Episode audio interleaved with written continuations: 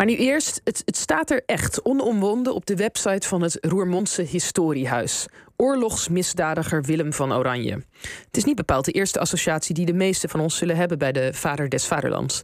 Maar dat ligt anders in Roermond. Dat komt omdat Willem van Oranje's soldaten daar een gruwelijke slagpartij aanrichten, de zogeheten Kartuizermoorden. Dat was in juli 1572 en nu dus precies 450 jaar geleden. En Roermond herdenkt dat met twee tentoonstellingen. De gast hierover is Gerard van der Garde van het eh, gemeentearchief van Roermond. Welkom, Gerard. Goedemorgen. Ja, ik, ik had er dus nog nooit van gehoord. Totdat een, eh, een, een luisteraar van OVT uh, eh, ons, ons wees op, dit, uh, op dit, dit gebeuren. En dat we hier toch echt aandacht aan moesten besteden. De Kartuizermoorden. Maar dit schijnt in Roermond echt een begrip te zijn. Klopt dat? Jazeker. Dat is, ja, ik denk wel, wij verder in Limburg ook wel bekend. Maar het is met de geschiedenis van Limburg zo dat die vaak een beetje tussen, je zou kunnen zeggen, de Belgische wal en het Nederlandse schip valt. Eh, Limburg is in de 19e eeuw uh, pas bij het huidige Nederland gevoegd. En hij heeft daarvoor altijd gehoord bij wat nu België is. Dus Belgische historici die hebben zoiets van die Limburgse geschiedenis. Nou, dat hoort niet, hoort niet bij ons. En Nederlandse historici hebben iets van die Limburgse geschiedenis van voor de 19e eeuw. Die hoort nog niet bij ons. Dus het is een onbekend iets. Ja, maar dat, dan zou je nog zeggen van dat is een reden waarom het in de rest van Nederland niet zo bekend is. Maar je zegt het is ook in Roermond wel bekend. Moet ik me dan voorstellen dat schoolkinderen hierover leren? Of hoe gaat ja, dat? dat? Dat was inderdaad zo. En uh, dan moet je wel even terugdenken naar de tijd van de verzuiling. Maar um, er is een, een groot schilderij van die Kartuizenmoord uit de 18e eeuw met een enorme bloedstraal erop.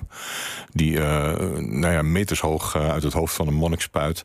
Ehm, die dus bij die Kartuizenmoord is omgebracht. En uh, dat uh, hangt in het museum van Roermond. En vroeger gingen de schoolkindertjes met excursie naar het museum. En dan werden ze allemaal langs het schilderij met de, bloed, schilderij met de bloedstraal gevoerd. En dan leerden ze ja, hoe beestachtig die vuile protestanten de weerloze priesters hadden afgeslacht. Ja, want ik heb ook een, een, een foto gezien van dat schilderij. Het is echt inderdaad, Quentin Tarantino is er ongeveer niks bij. Je ziet ja, een, een monnik die in de buik wordt geschoten met een pistool. Je ziet een monnik in een bloedplas liggen. Inderdaad, van die enorme bloedstralen die omhoog spuiten. Dus het, dat moet inderdaad op die kinderen een enorme indruk hebben gemaakt, kan ik me zo voorstellen. Ja, ja, ja. Het, het, is ook verschrikkelijk geweest. Het is echt een uh, brute moordpartij geweest. Ja, want ja, inderdaad, we moeten, moeten er ook niet te lacherig over doen. Laten we teruggaan naar uh, 1572. We bevinden ons dan aan het begin van de 80-jarige oorlog, de strijd tegen de Spaanse overheerser. Wat gebeurt er dan in Roermond? Uh, ja, dan moet je eigenlijk een beetje uitzoomen van wat gebeurde er überhaupt. Um, nou, die 80-jarige oorlog die was begonnen, maar eigenlijk in 1572 dan komt dat uh, goed op gang. En uh, een belangrijk moment is de inname van, van Briel, Brielle, vroeger zeiden ze dan Den Briel, op 1 april 1572 door de watergeuzen. En dat is een ongeregeld zootje zeerovers eigenlijk. Geen, geen geregeld leger. En um, dat is een eerste succes uh, van de opstandelingen. En vanuit daar pikken die watergeuzen ook andere steden in. En in datzelfde jaar gaat Willem van Oranje dan proberen om met een geregeld leger ook iets te doen. Uh, hij vertrekt dan vanuit uh, Duitsland, Duisburg, meen ik. Uh, neemt Geldern in, dat hoort nu bij Duitsland, maar toen bij de Nederlanden. wordt in Venlo niet toegelaten en wil dan naar de hoofdstad van dat gebied, dat is Roermond. Um, en is eigenlijk op weg naar het zuiden. En hij vraagt toegang um, tot de stad, aan het stadsbestuur.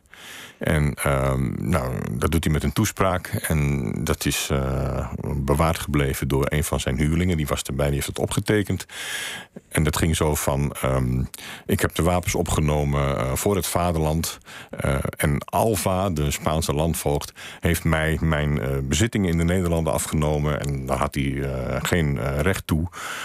want ehm, dat was helemaal geen bezit van de Spaanse koning. Dus het is Breda bijvoorbeeld. En ik sta in mijn recht. En um, nou, jullie moeten mij toelaten, want um, uh, neem een voorbeeld aan mijn situatie. Die Spaanse koning is niet te vertrouwen. Dat is een beetje het verhaal. Het ging erg over hemzelf. Nou, en de uh, stadsbestuurders... Die, die, hebben helemaal geen zin in het avontuur... want het is helemaal nog niet zeker of Willem van Oranje überhaupt kans maakt in die opstand. Dus dat zeggen ze ook. We willen onze handen daar niet aan branden. En dan wordt uh, de prins uh, boos en gefrustreerd. En dan laat hij uh, de stad beschieten en innemen.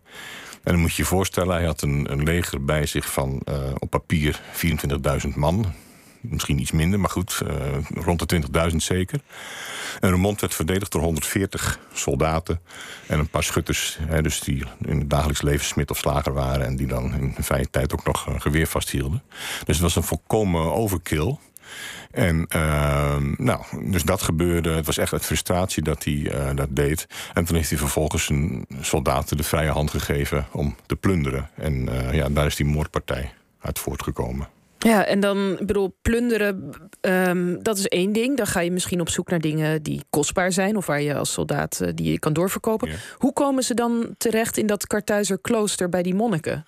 Nou, dat is het, het opvallende eraan. Het was in die tijd gebruikelijk dat als een uh, stad zich uh, te weer had gesteld... en dan ingenomen werd. Nou ja, ik wil niet zeggen dat het oorlogsrecht was... maar het was gebruikelijk dat die soldaten dan ja, lijf en goed van, van de inwoners niet ontzagen. maar dit was heel erg gericht tegen um, de uh, kloosters en de priesters. Uh, en dat is uh, begonnen eigenlijk met die watergeuzen. Hè. Die zijn in, in Den Briel ook, hebben ze eerst een aantal geestelijke omgebracht. Twee weken voor de Kartuizenmoord in Roermond hebben de watergeuzen in... zijn hebben ze een aantal monniken uit Gorkum naar Den Briel gehaald en daarom gebracht. Dat zijn de Gorkumse martelaren. Die hebben wel de geschiedenisboekjes gehaald. En want ja. Gorkum heeft altijd in Nederland gelegen. Um, nou... Ehm, dat waren geloof ik 19 uh, mensen. En uh, in Roermond zijn er dan 21 tot 23 priesters uh, omgebracht. En dat ging met extreme vreedheid. Dus die monniken werden de neus en de oren afgesneden... en het vel van de schedels getrokken, vingers afgehakt... Um, geslachtsdelen afgesneden en in de mond gelegd... en losgeld laten betalen en dan iemand alsnog toch ombrengen. ja, dus dat zelfs uh, in, in die tijd waar men dus wist van... nou ja, een stad die ingenomen wordt, uh, daar wordt geplunderd. Dat gaat nu eenmaal zo. Uh, dit was wel een schandaal. Dit, eh, ja, ja, en er, zelfs, je beschreef eerder, vertelde je aan mij... dat er dan ook bijvoorbeeld een spotprocessie zelfs ook nog wordt gehouden... met een van die ja. mannen ja, die dat... dan al, nou ja, al, al zwaar verwond is. Ja. om, waar, waaruit blijkt, denk ik ook wel... dat het dus heel duidelijk ging om, om een anti-katholiek sentiment. Het ging er niet om... om uh, ja, kostbare schilderijen of weet ik veel wat uit die kloosters weg te halen. Maar het ging echt uh, om anti-religieus sentiment. Ja, dat kunnen we natuurlijk. De, de, de miskelken, ja. die van goud en zilver waren, die werden ook ingepikt. Maar het was uh, echt heel fel anti-katholiek. En uh, ja, zo'n spotprocessie. Dus er werd een arme kosten die inderdaad al he, de oren en de neus afgesneden uh, waren. Die um, werd dan een koorkap omgedaan door de straten gestuurd. En de soldaten die verkleden zich in gestolen liturgische gewaden als, als medemonniken, zeg maar. En ja, die werden dus belachelijk gemaakt ja, dat, Dat, dat ging niet, ging niet om, om de buit, dat was duidelijk. Nee, en weten we dan eigenlijk wat Willem van Oranje hiervan wist? Want ik bedoel, hij heeft misschien gezegd: jullie krijgen de vrije hand, jullie mogen gaan plunderen tegen die soldaten. Maar wist hij ook dat dit het gevolg was? Nou, dat, dat, dat, is, dat is niet zeker. Het is wel zo, eh, hij heeft dus uh, uit woede en frustratie die stad met een overkill aan geweld uh, laten innemen. En een paar dagen nadat dit gebeurd was, heeft hij een brief aan zijn broer geschreven. En dat gaat zo van: Nou, het, heeft me nog, het is erg meegevallen hoe mijn soldaten zich in de mond gedragen hebben. Um, ze hebben hooguit, hooguit drie of vier burgers gedood. en verder hebben ze zich op de monniken en priesters gericht, punt. En, nou, terwijl het daar dus juist gebeurd was. Ja, alsof dat eigenlijk niet zo ter zake doet misschien. Precies, en ja. hij wist wel degelijk wat er precies gebeurd was... want minstens een van die monniken die is ook naar zijn legerkamp gebracht. En die is er waarschijnlijk levend van afgekomen. maar goed, daar is dus,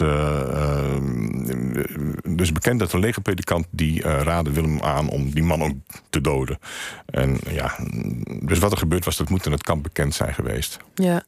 Uh, tot slot, ik bedoel, de mensen die kunnen naar de tentoonstelling gaan er nog veel meer te weten komen over het verhaal hierachter. En ook hoe dit bijvoorbeeld in Zuid-Europa uh, wel een bekend verhaal is geworden ja, ja, zeker, onder katholieken. Maar nog even één laatste vraag aan jou nu. Hoe zou dit nou ons onze blik op de geschiedenis van Nederland of op Willem van Oranje moeten veranderen, wat jou betreft? Of moet dat? Nou, Willem van Oranje in de 19e eeuw tot uh, de grote held van de godsdienstvrijheid en de tolerantie uh, gemaakt.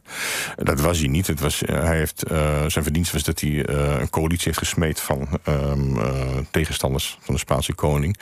Um, maar um, ja, hij heeft, zich, heeft, heeft, bloed aan zijn handen, ook in meer opzichten, niet alleen in Roermond. En in de landelijke manifestatie 1572, geboorte van Nederland, wordt ook benadrukt dat het verhaal genuanceerder is. Het gaat over de vier V's daar. Uh, vrijheid, uh, um, verdraagzaamheid. Um, nou, de andere twee ben ik even kwijt.